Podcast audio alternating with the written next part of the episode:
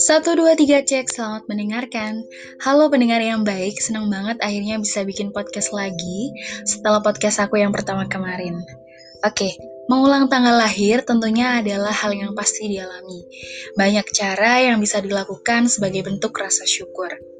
Di usia muda, pastinya senang banget kalau lagi ulang tahun.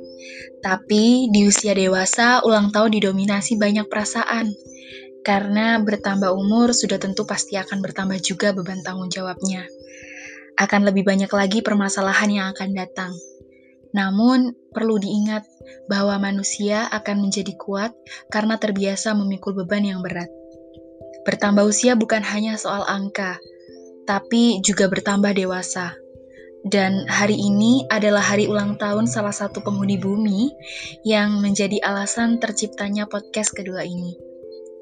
Selamat mengulang tanggal lahir, doaku masih sama. Semoga selalu rendah hati dan tetap menjadi orang baik. Kamu hebat sudah bertahan sejauh ini, dengan segala masalah dan jalan keluarnya, dengan segala musibah dan semua hikmahnya, kamu bertahan.